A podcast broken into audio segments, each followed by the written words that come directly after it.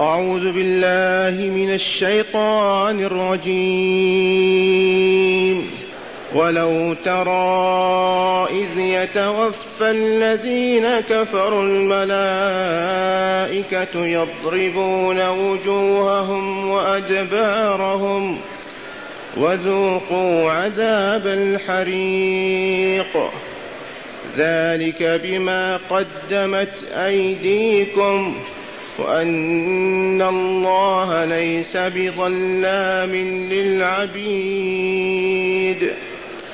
كدأب آل فرعون والذين من قبلهم كفروا بآيات الله فأخذهم الله بذنوبهم إن الله قوي شديد العقاب ذلك بأن الله لم يك مغيرا نعمة أنعمها على قوم حتى يغيروا حتى يغيروا ما بأنفسهم وأن الله سميع عليم.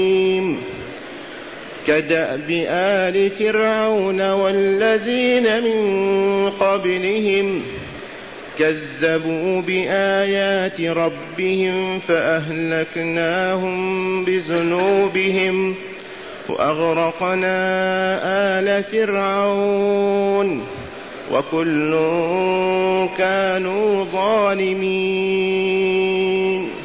معاشر المستمعين والمستمعات من المؤمنين والمؤمنات.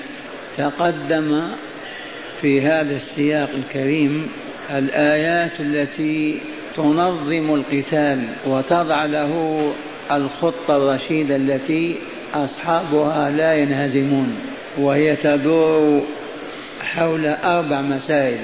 أولا الثبات إذا لقيتم فئة فاثبتوا وألاحظ أن هذا القتال هو القتال الشرعي الذي أمر الله تعالى به وشرعه لعباده المؤمنين من أجل نشر دعوة الخير بين العالمين من أجل نشر دعوة الإسلام في العالم. إذ قال وقاتلوهم حتى لا تكون فتنة ويكون الدين كله لله. هذا القتال الشرعي الذي كان يقوده رسول الله صلى الله عليه وسلم.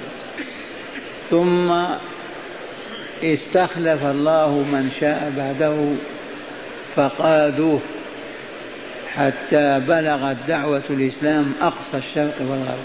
لما فرض القتال وضع لهم الخطة الرشيدة التي إذا استعملوها وانقادوا لها واستجابوا ينتصرون في كل معاركهم ضد أهل الكفر والشرك. فقال تعالى وإذا لقيتم الذين كفروا فاثبتوا إذا لقيتم فئة فاثبتوا. هذا أولا. واذكروا الله كثيرا ثانيا. وقد بينا أن الذكر حصن حصين للمؤمن وأنه السلاح القوي. لأن ذكر العبد لربه لوعده ووعيده لإفضاله وإحسانه لعلمه وخبرته وإحاطته. هذا العلم يثبت قلب العبد ويجعله يثبت ويصمد ولا يتأخر أبدا في المعركة.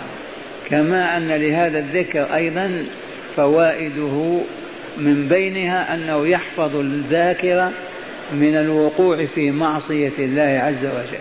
الذي يذكر الله عز وجل بقلبه ولسانه لا يقع في كبائر الذنوب.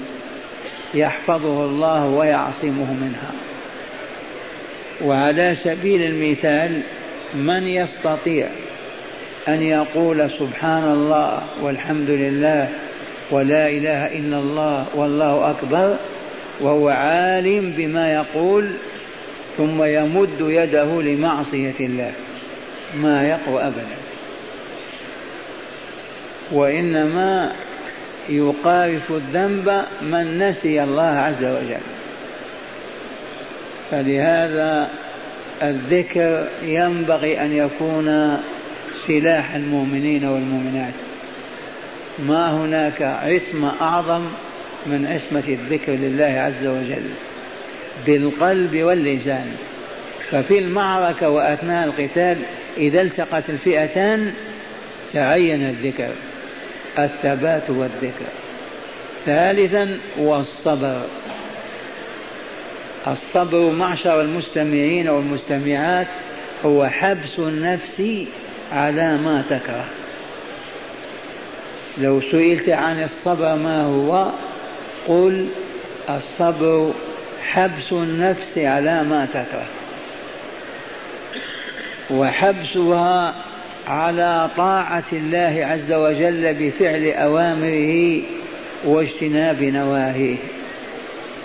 وحبس النفس إذا ابتلي العبد ابتلاه الله عز وجل ليعلم صبره من جزعه ذاك موطن الصبر.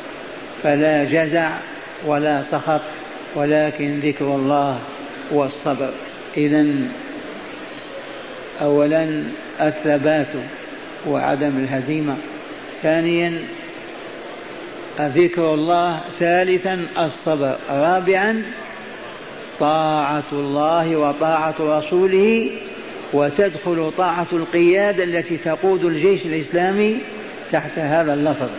فلا بد وأن يطاع الله فيما أمر به من الثبات والصبر ويطاع أولو الأمر أيضا لأنهم يقودون المعركة. فالخلاف هو الذي يمزق الجمع ويشتت الفئة وهو الذي يسبب الهزيمة. الثبات وذكر الله والصبر وطاعة الله وطاعة رسوله. رابعا عدم الاختلاف. الخلاف كله شر. وقرأوا قول الله تعالى ولا يزالون مختلفين إلا من رحم ربك فالمرحومون هم الذين لا يختلفون. وخلافهم الهلك هم المختلفون.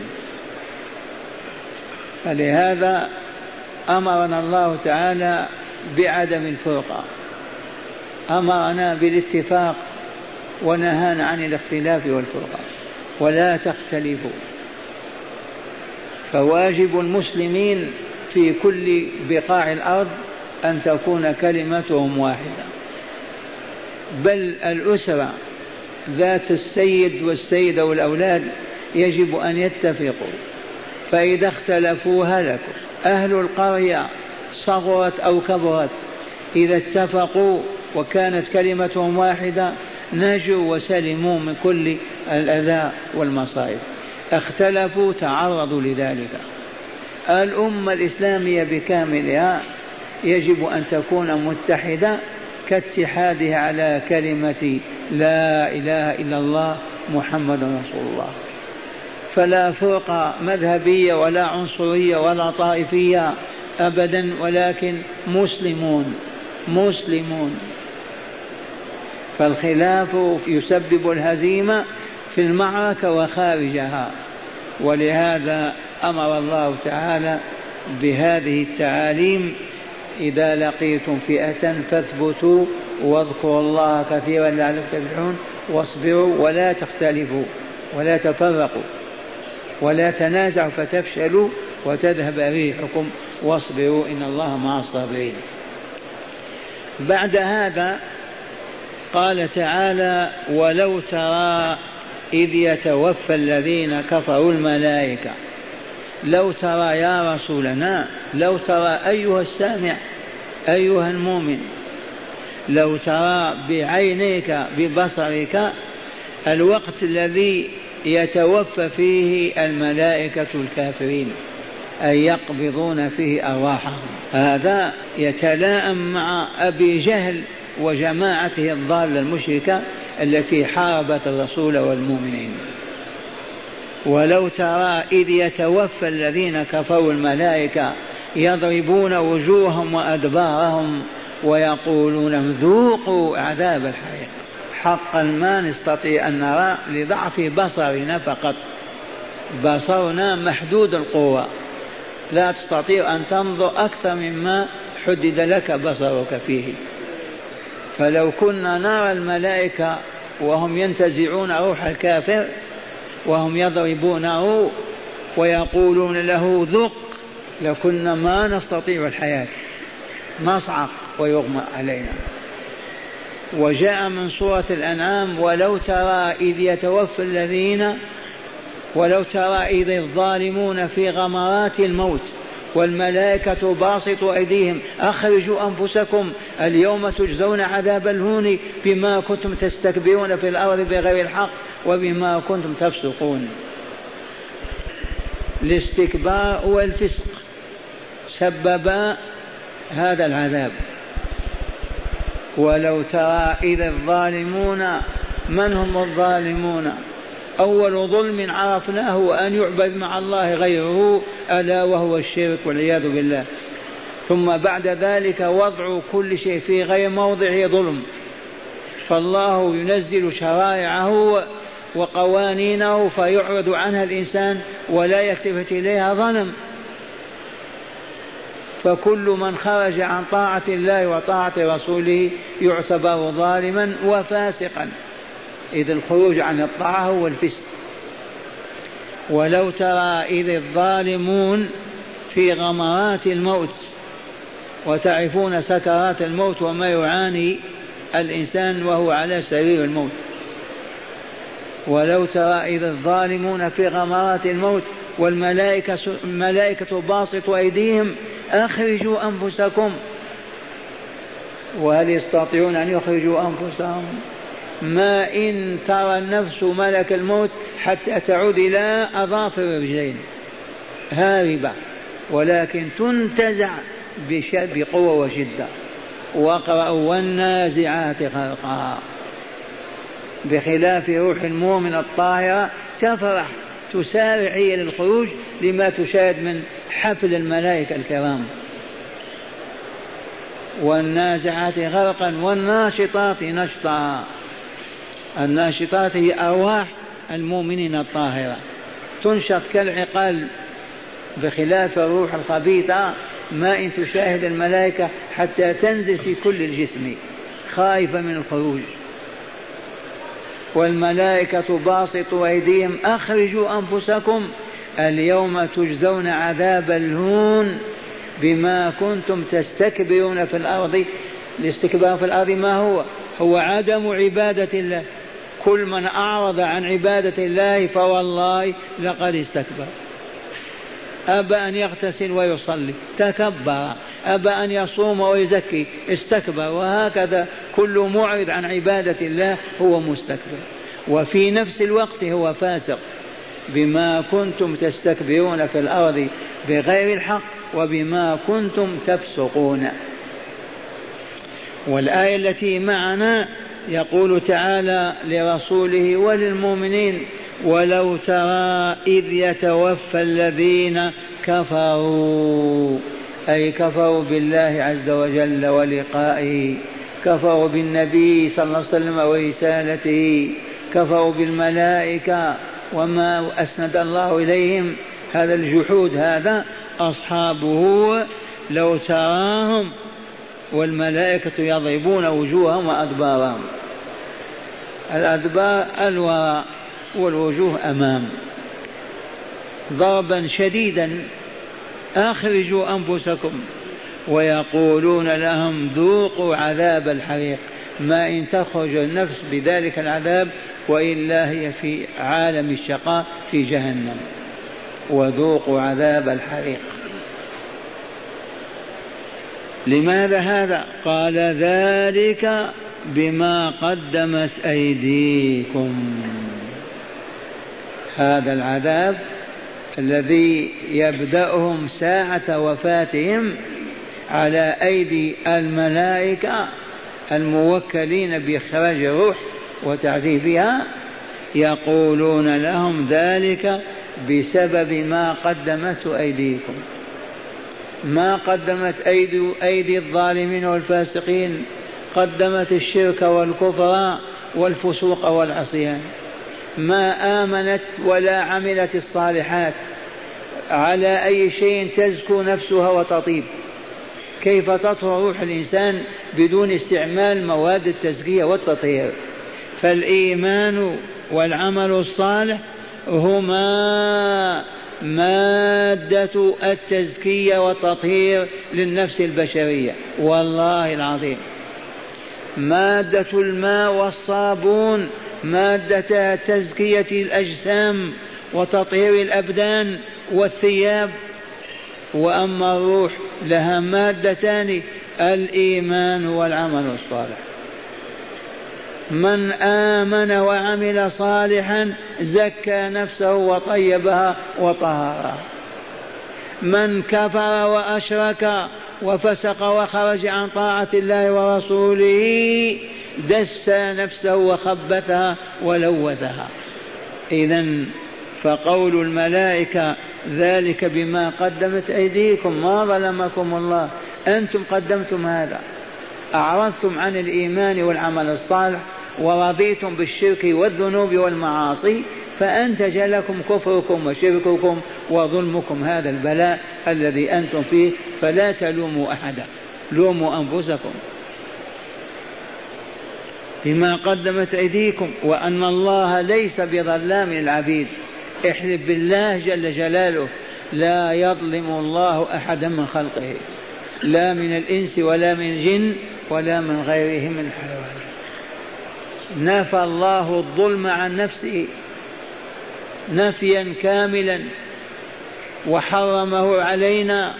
لا تظالموا فإن الله قد حرم الظلم على نفسه. أعلن هذا رسول الله صلى الله عليه وسلم. إن الله حرم الظلم على نفسه فلا تظالموا. والظلم ما هو؟ كما علمتم. وضع الشيء في غير موضعه. ذلك هو الظلم. فهذه النفس المفروض أنك تزكيها وتطهرها بالإيمان والعمل الصالح. أبعدتها عن الإيمان والعمل الصالح ووضعت عليها الشرك والمعاصي. ظلمتها وإلا لا؟ ظلمتها. نفسك أدخلت نفخت في جسمك وهي اوضح من هذا النور. اصفى من هذا النور.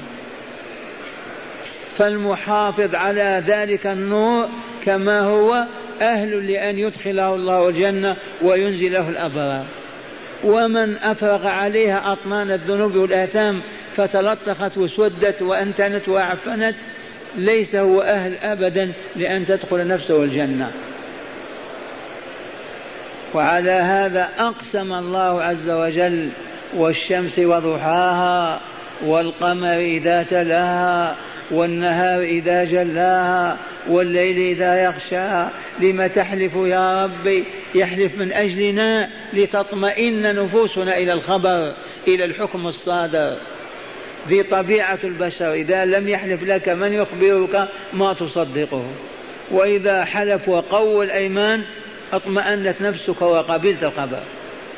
لما كان الأمر عظيم أقسم بهذه الإقسامات والشمس وضحاها والقمر إذا تلاها والنهار إذا جلاها والليل إذا يغشاها والسماء وما بناها والأرض وما طحاها ونفس وما سواها فألهمها فجورها وتقواها هذه الأيمان كلها من أجل ماذا؟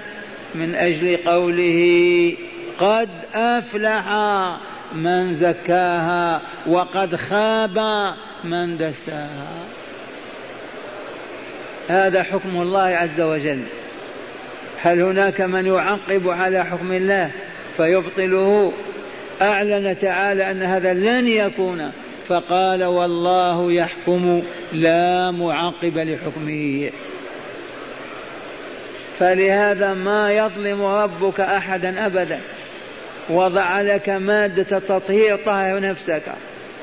حذرك من مادة التلويث والتخبيث احذرها تعيش طاهر النفس زكي الروح إذا أخذت روحك إلى دار السلام مع الأصفياء والأطهار. رفضت أن تؤمن وتعمل الصالحات وأقبلت على الشرك والكفر والذنوب والآثام لا تلم إلا نفسك إذ لم يظلمك ربك ولكن ظلمت أنت نفسك. هكذا تقول الملائكة.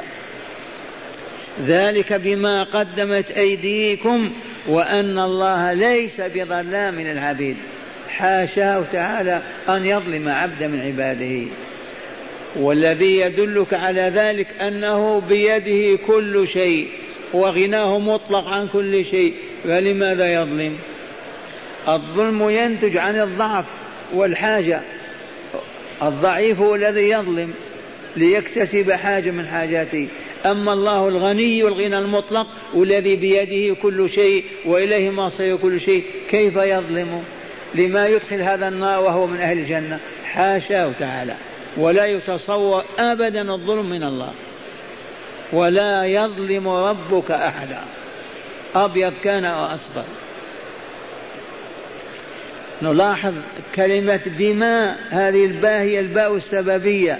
أي بسبب ما قدمته أيديكم. من أين؟ من الشرك والكفر والذنوب والفسق والمعاصي. تلك التي خبثت النفس وسودتها وعفنتها. إذا يرسل الله ملائكة مختصين بهذه الروح الخبيثة. على صورة لا تتصور. لو كانت طيبة طاهرة يأتي الملائكة الأطهار فيأخذون الروح الطيبة الطاهرة. ثم قال تعالى كدأب آل فرعون والذين من قبلهم أي شأن مشركي قريش كفار مكة الذين حاربوا رسول الله في بدر شأنهم شأن آل فرعون الذين أعلنوا عن كفرهم وعنادهم وحربهم لموسى وبني إسرائيل. كدأب آل فرعون والذين من قبلهم من هم؟ قوم نوح قوم هود قوم صالح قوم لوط المؤتفكات كلها أمم كفرت وخرجت عن طاعة الله وحاربت رسول الله فنزل بها العذاب في الدنيا وتخلد فيه في الآخرة. كدأب أي كعادة آل فرعون الذين آمنوا بفرعون ربا وإلها وعبدوه وكفروا بالحق وجحدوه وحاربوا موسى وأرادوا قتله. وقوله الذين من قبلهم كفروا بآيات الله الذين من قبل آل فرعون فرعون كان مع موسى قبله إبراهيم قبل إبراهيم نوح مع قبل إبراهيم هود وصالح أمم كلها هلكت بسبب كفرهم وظلمهم. فليس الأمر خاص بقريش أو بكفار مكة بل حال كحال من سبق. قال تعالى والذين من قبلهم كفروا بآيات الله. ما الآيات التي كفروا بها؟ أي جحدوا بها ولم يعترفوا بها ولم يذعنوا لما فيها. هذه الآيات أولا المعجزات التي يظهر الله على أيدي رسله وأنبيائه ثاني الآيات التي تحمل البيان والهدى إلى الصراط المستقيم. وكفرانهم لها جحودهم لها وعدم اعترافهم بها فلم يعملوا بها. إذا قال تعالى فأخذهم الله بذنوبهم. فأخذهم الله بذنوبهم. ما الذنوب؟ جمع ذنب. تعرفون ذنب الحيوان من وراه. والإنسان يؤخذ من ذنبه كالحيوان من ذنبه.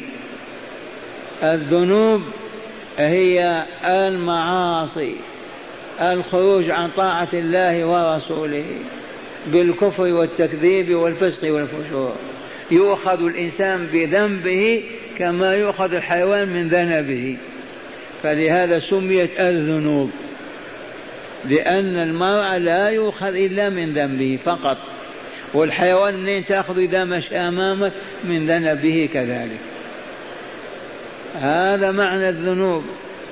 المخالفة لله ورسوله المعصية لله ورسوله هذه تسبب الهزيمة تسبب العذاب الدنيوي والأخروي ويؤخذ العبد بواسطتها فهي كالذنب له. هكذا يقول تعالى وهو يخاطب من رسوله ومصطفاه والمؤمنين من أولياء يبين لهم ما سبق من الأمم وما حل بها من العذاب وسوف ينزل بما ما نزل على الأولين ينزل على الآخرين لأنها سنة الله عز وجل. لا تختلف. حالهم كحال آل فرعون الذين من قبلهم كفروا بآيات الله. فأخذهم الله بذنوبهم. إن الله قوي شديد العقاب. أما أخذ الله سبعين صنديدا في بدر رجالات قريش صناديدها أبطالها كلهم صرعهم الله في بدر. أخذهم بذنوبهم وإلا لا؟ بذنوبهم. كما أخذ آل فرعون والأمم التي قبلهم لأنهم كفروا. خرجوا عن طاعة الله كفروا برسوله إذا يأخذهم. فأخذهم الله بذنوبهم. إن الله قوي شديد العقاب. قوي لا يعجزه شيء. قدرة الله لا يعجزها شيء. ومن خلق القوى خالقها الله فخالق القوى وواهبها ومعطيها قطعا هو أقوى منها. شديد العقاب والعقاب المعاقبة الأخذ بالذنب. عاقبه مأخوذ من العاقب. عاقبوك من رجلك من وراء فهم مأخوذين بعقوبة بذنوبهم. كالذنوب والعقوبة بمعنى واحد. والله شديد العقاب. إذا عاقب عقابه شديد. وجه ذلك عاد مدن لا نظير لها وأهلها كلها أحيلت إلى دمار. فرعون مئة ألف بجيشه كلهم في البحر. أغرقهم قوم صالح. أمة كاملة صيحة واحدة. لصقوا بالأرض وجثموا فوقها. المؤتفكات مدن. سدوم وعمورة أحالهم إلى بحيرة منتنة إلى الآن. نعم شديد العقاب. ما هو لين ولا هين. إذا عاقب إن بطش ربك لشديد. ولا يعاقب ولا يبطش إلا بمن استوجب البطش والعقوبة. وحاشا لله أن يظلم عبدا من عباده وما ربك بظلام للعبيد. لكن إذا استوجب العبد عقوبة الله عز وجل عقوبته شديدة. فلنخفها فلنحذرها فلنعش خائفين منها فإنها ليست بالهينة ولا السهلة ولا اللينة. إن الله شديد العقاب. ثم قال تعالى ذلك بأن الله لم يك مغيرا نعمة أنعمها على قوم حتى يغيروا ما بأنفسهم. ذي سنة من سننه مضطردة في الحياة كلها. هذا تم بسبب أن الله لم يك مغيرا نعمة أنعمها على قوم حتى يكونوا هم المغيرين لما في أنفسهم. أمة سعيدة طاهرة طيبة تقبل على معاصي الله ورسوله وتخرج عن طاعة الله ورسوله يسلبها ذلك النعيم وما ظلمها هي التي غيرت ما بنفسها.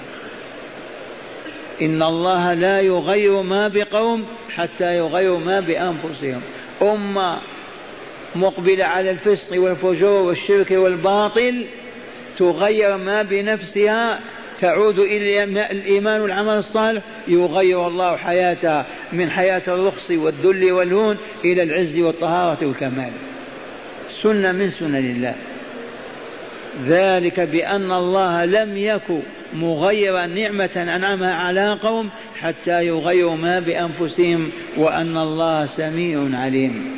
سميع لأقوال عباده عليم بأفعالهم. فلهذا يكون الجزاء بحسب العمل. لو كان لا يعلم شيئا دون شيء أو لا يسمع أصوات دون أصوات يقع. ما قد تقول لماذا عذبنا وما ظلمنا. لكنه سميع لأقوال عباده عليم بأحوالهم وأفعالهم ظاهرة كباطنها فلهذا الجزاء يكون حسب عدله عز وجل في خلقه. وما ربك بظلام للعبيد. ثم قال تعالى كدأب آل فرعون والذين من قبلهم كذبوا بآيات ربهم فأهلكناهم بذنوبهم وأغرقنا آل فرعون وكل كانوا ظالمين كالتقرير لما سبق. أولا كان الذنب الكفر. والثاني التكذيب. الأول كدأب آل فرعون والذين من قبلهم كفروا بآيات الله. والآن كدأب آل فرعون والذين من قبلهم كذبوا بآيات ربهم. فأهلكناهم بذنوبهم. وأغرقنا آل فرعون وكل كانوا ظالمين والعياذ بالله تعالى. معاشر المؤمنين أسمعكم شرح هذه الآيات من الكتاب لنزداد معرفة وعلما. معنى الآيات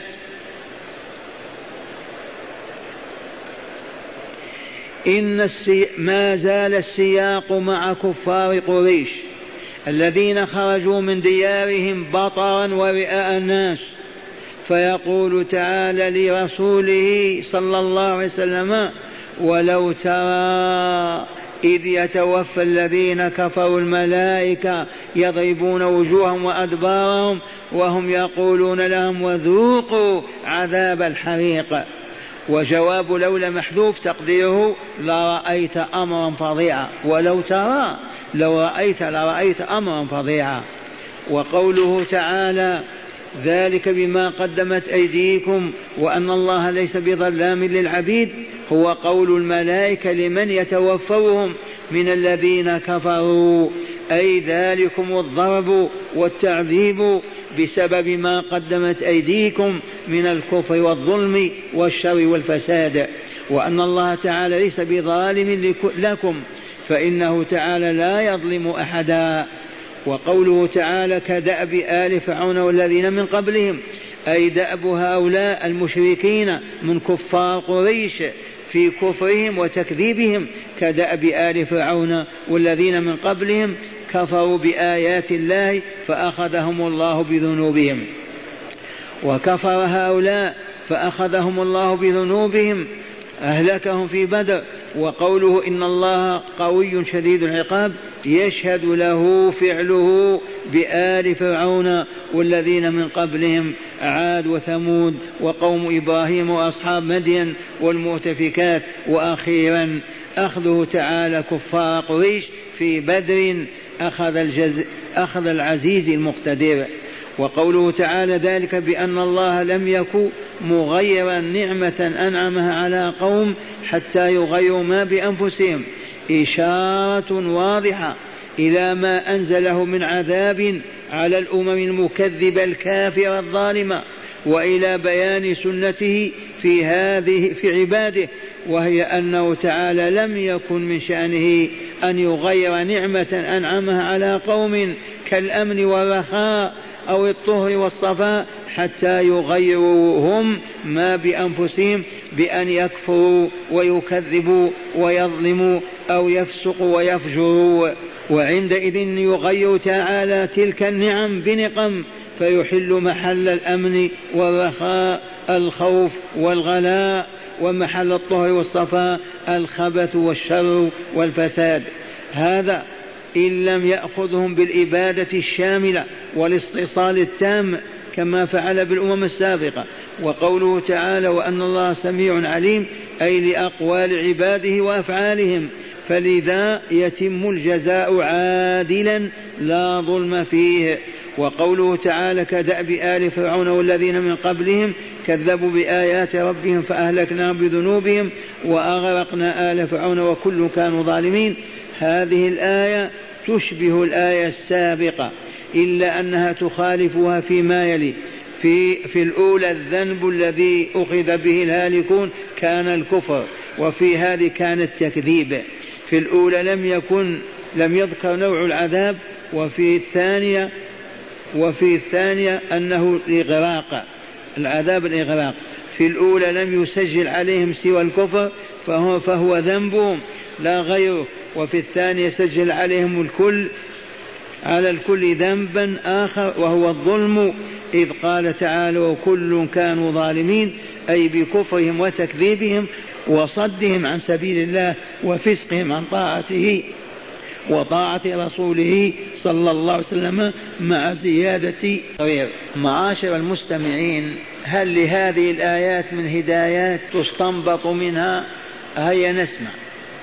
قال من هداية الآيات. أولا تقرير عذاب القبر بتقرير العذاب عند النزع. دلت الآية على أن في القبر عذابا يتم لأهل الظلم والفسق والفجور. والدليل هذه الآية تقول عند أخذ الروح يعذبون. فحينئذ بعد أخذ الروح وإدخالهم تحت الأرض في القبور يأتي العذاب. فالآية دليل على وجود عذاب القبر لأهل الفسق والظلم والفجور. ثانيا هذه الآية نظيرها آية الأنعام. ولو ترى إذ الظالمون في غمرات الموت والملائكة باسط أيديهم أخرجوا أنفسكم اليوم تجزون عذاب الهون. الآية. ثالثا تنزه الخالق عز وجل عن الظلم لأحد من الإنس أو الجن. بدليل قوله وما ربك والله ليس بظلام العبيد. رابعا سنة الله تعالى في أخذ الظالمين وإبدال النعم بالنقم. سنة الله تعالى في أخذ الظالمين بظلمهم وإبدال النعم بالنقم. الأمن بالخوف الرخاء بالقحط والجد والجوع الطهر بالخبث. خامسا لم يكن من سنة الله تعالى في الخلق تغيير ما عليه الناس من خير أو شر حتى يكونوا هم البادئين. لم يكن من سنة الله تعالى أن أمة مجمعة على الكفر والفسق والفجور يحولها إلى أمة طهر وصفاء أبدا حتى تكون هي البادئة. أمة تعيش على الأمن والسعادة والطهر لن يزيل ذلك عنها حتى تغير هي بالفسق والظلم والفجور. سنة الله عز وجل. ذلك بأن الله لم يكن مغير نعمة أنعم على قوم حتى يغيروهم ما بأنفسهم. قال خامسا لم يكن من سنة الله تعالى في الخلق تغيير ما عليه الناس من خير أو شر حتى يكونوا هم البادئين. سادسا التنديد بالظلم وأهله وأنه الذنب الذي يطلق على سائر الذنوب. أي ذنب يطلق على كل الذنوب الظلم. كلمة الظلم يدخل تحتها كل ذنب. من الكفر والشرك والسرقة والزنا والظلم مطلقا كلمة الظلم. وسر ذلك ما هو؟ أنه وضع الشيء في غير موضعه. كل من وضع شيء في غير موضعه فقد ظلم. بدل أن يقرأ القرآن يغني ظلم. بدل أن يحمد الله أنكر. الحمد لله ظلم. معاشر المستمعين والمستمعات ما ننسى ما دعت إليه هذه الآيات الكريمة. من بينها أن من هو في نعمة يجب أن يحافظ عليها بعبادة الله وطاعته.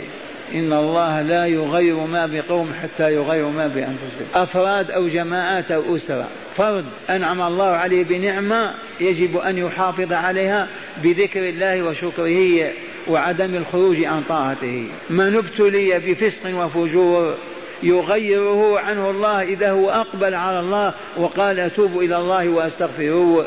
يغير الله ذلك الخبث إلى طهر وصفاء. ذي سنة مضطردة لا تتخلف من سنن الله عز وجل.